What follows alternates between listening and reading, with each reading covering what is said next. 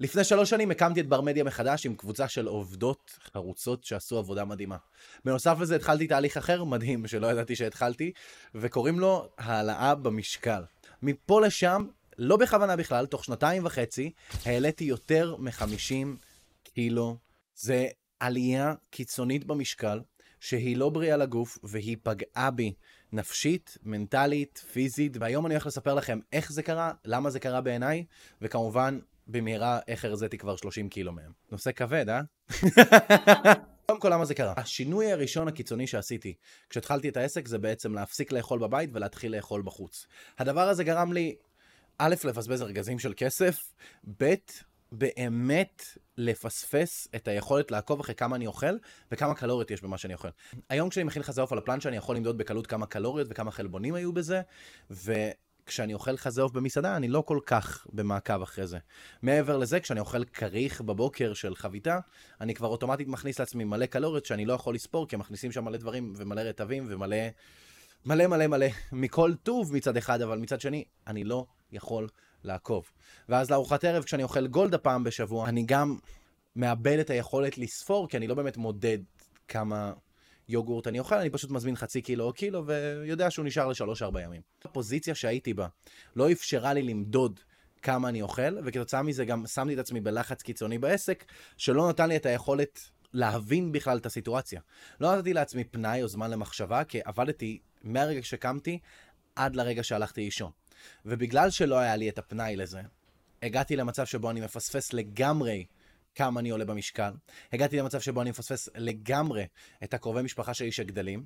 רגע אחד עזבתי ילד בן 12 שהרגע סיים להשתין במיטה, וכשהתעוררתי על עצמי, מצאתי בן דוד בן 16 שכבר שכב ועישן וויד פעם ראשונה, כאילו... אלה חוויות משמעותיות שוואלה פספסתי עם קרובי משפחה שלי. רגע של הבנה שאני לא מאחל לאף אחד. כשאתה מבין כמה המחיר גדול, ואתה תופס את עצמך בידיים ואומר, רגע, זה הזמן והחוויות שפספסתי עם המשפחה שלי, אתה קולט כמה משמעותי מה שפספסת, ושאין לו תחליף. בן דוד שלי לא יהיה בן 13 שוב, הוא לא יעשן שוב פעם ראשונה, הוא לא ישתה שוב פעם ראשונה, הוא לא יחווה דברים בפעם הראשונה, ואני לא הייתי שם כשהוא היה צריך בן אדם אחר. אני אכזבתי אותו. וכמו שאכזבתי אותו, אכזבתי את כל המשפחה שלי בעיניי. כי פספסתי את הפוקוס עליהם, והייתי אגואיסט, והלכתי לדאוג רק לעצמי. ותראי לכם עכשיו, אחרי שהרזיתי כבר 30 קילו ממה שהעליתי בחצי שנה האחרונה, שזה בערך 5 קילו לחודש, אני יכול להגיד לכם ש... אני מאוד מאוד מרוצה מעצמי, אני מצליח לשמור על קשר טוב וקרוב עם כל המשפחה שלי. כל הלקוחות שלי יותר מרוצים ממני, ואני מרוויח נטו הרבה יותר כסף. אני עושה החלטות הרבה יותר טובות ביום-יום, ואני הרבה יותר יכול ליהנות מהחיים, ואני הרבה יותר גאה בעצמי ביום-יום. מעבר לזה, אני חווה אירועים של שליטה עצמית שבעבר לא היו לי. זאת אומרת שאם פעם הייתי מתפתה לאכול שוקולד או מתפתה לאכול יוגורט, היום אין לי אפילו צורך לאכול מתוק. כי אני פשוט לא ב... בלופ הזה של לאכול סוכר ולרדוף אחרי דופמין בצורה הזאת. הסיפור שלי הוא רק דוגמה קטנה, אני מאמין מתוך מיליוני ועשרות מיליוני סיפורים של בעלי עסקים שלא מצליחים לשים את עצמם בפרונט, ולא מצליחים להוציא את עצמם מהלופ הזה של העבודה. אני אשים לכם רגע משהו ברור מול העיניים. הבריאות היא מה שמחליטה כמה זמן אתם פה. ואם אתם מזניחים את עצמכם עכשיו, אתם לוקחים מעצמכם מהזמן התעסקות שלכם בעסק בעתיד, ואם היום אתם שווים אלף שקל לשעה, עוד עשר שנים אתם תהיו שווים עשר אלף שקל לשעה, אבל אתם לא תוכלו לעבוד את אותה כמות שעות. והסיבה לזה תהיה שאתם פשוט לא תהיו בריאים ואתם צריכו לדאוג לעצמכם ויהיה לכם הרבה פחות אנרגיה. כי גוף שמוציא אנרגיה, שרץ הרבה, מייצר הרבה יותר אנרגיה. והאחריות שלכם היא לוודא שיש לכם אנרגיה ומשמעת לעבוד. ואם אתם רגילים היום לעבוד, אז אולי אתם תחזיקו עד גיל 30, אם אתם בני 20, ואולי אתם תחזיקו עד גיל 40, ואולי אתם תחזיקו עד גיל 50, אבל אני מבטיח לכם 60, לא משנה כמה הטכנולוגיה הרפואית תתפתח, אתם, יש סיכוי סביר מאוד שלא תחזיקו. ונכון שהממוצע מוות של הגילאים היום הוא בערך 80 בישראל, אבל אני מבטיח לכם, אתם לא תגיעו כל כך רחוק. אם אתם תעשנו, זה לא בבריאות הפיזית שלכם, תזניחו את עצמכם ותזניחו את המשפחה שלכם. ומעבר לזה, יש דרך להגיע לגיל 60 ולהיות שמח, ויש דרך להגיע לגיל 60 אומלל, עצוב ובודד.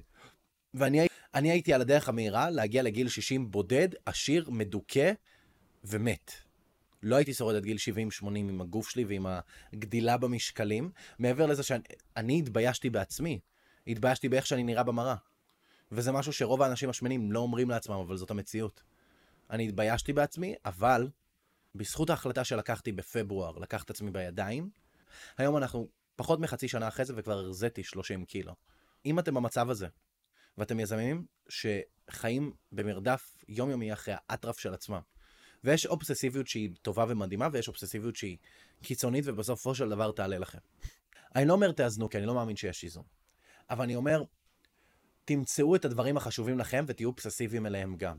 תהיו אובססיביים לבריאות שלכם, כמו שאתם אובססיביים לסליקות. תהיו אובססיביים למה שאתם מכניסים לפה, כמו שאתם אובססיביים לכסף שנכנס לכם לתוך הכיס. אתם לא אובססיביים מספיק לגבי עצמכם, ואני יכול להגיד לכם בכנות שבשנייה שאתם נהיים אובססיביים לגבי עצמכם, אנשים מבחוץ מתחילים להעריך אתכם יותר, והם גם ישלמו לכם יותר כי הם מעריכים אתכם יותר.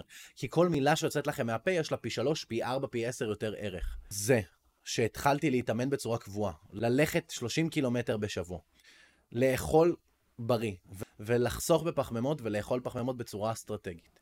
בזכות זה ששמתי את הפוקוס על עצמי, ואמרתי, טוב, אני מעדיף לוותר על לקחת לקוח שאני יודע שהוא יהיה לי כאב ראש, ובמקום זה לעשות יותר הליכות. בזכות לשים את עצמי קודם, הפכתי להיות מבן אדם שבאמת מרגיש חרא עם עצמו ביום-יום, ואני מדבר איתכם רגע בצורה מאוד מאוד כנה ופתוחה, ואני יודע שזה יחזור עליו, אני ממש בסדר עם זה.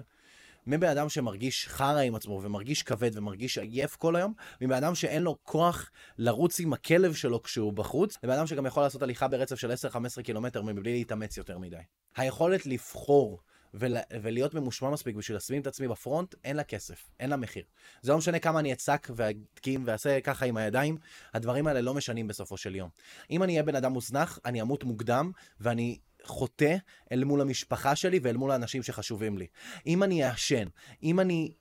אם אני אוכל דברים לא בריאים, אם אני אוכל fucking המבורגרים במקדונלדס על בסיס קבוע, אגב, אני לא אוכל המבורגרים היום. אז אם אני אהיה הבן אדם הזה שמזניח את עצמו, שאוכל את הדברים הלא בריאים האלה, אני אמות מוקדם ואני חוטא אל מול כל האנשים שדאגו שיהיו לי חיים טובים.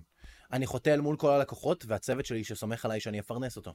אני חוטא מול עצמי כי אני לוקח לעצמי זמן על הפלנטה שבו אני יכול לעשות טוב לאנשים אחרים, ובזה אני גם חוטא מול אנשים אחרים. כי הייתי יכול לעשות הרבה יותר טוב לעולם, ובמקום זה אני מת. במקום זה אני דופק עוד לאפה שווארמה. והדברים האלה הם לא בריאים. ואנחנו אוכלים אותם בידיעה שהם לא בריאים, ובידיעה שהם עושים לנו רע, ובסופו של דבר הם לוקחים לנו זמן על הפלנטה. והאחריות שלנו כאנשים אחראים שרוצים להצליח, ואם אתם פה אתם רוצים להצליח, האחריות שלנו היא לוודא שאנחנו לא חוטאים ככה מול עצמנו. לסיכום אני אדבר שאני שום דבר למכור לכם, ואם אתם רוצים לחיות חיים בריאים, אובססיביים לגבי ההצלחה שלכם. זה המקום שלכם, זה הבית שלכם, והמקום, והערוץ הזה הוא כנראה הערוץ היחידי ביוטיוב שיכול לתת לכם מענה יומיומי לרצון שלכם להצליח. תעקבו אחריי עכשיו.